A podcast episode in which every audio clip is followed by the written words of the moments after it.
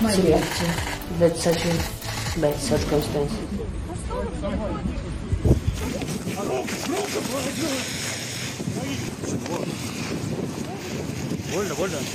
Today we will have here with us uh, his wife, Julia Navalny, who will send a message, um, a political message, about how to support the opposition, the political opposition inside Russia against Putin's regime. You see, during this weekend, many people have been demonstrating in the streets of Russia.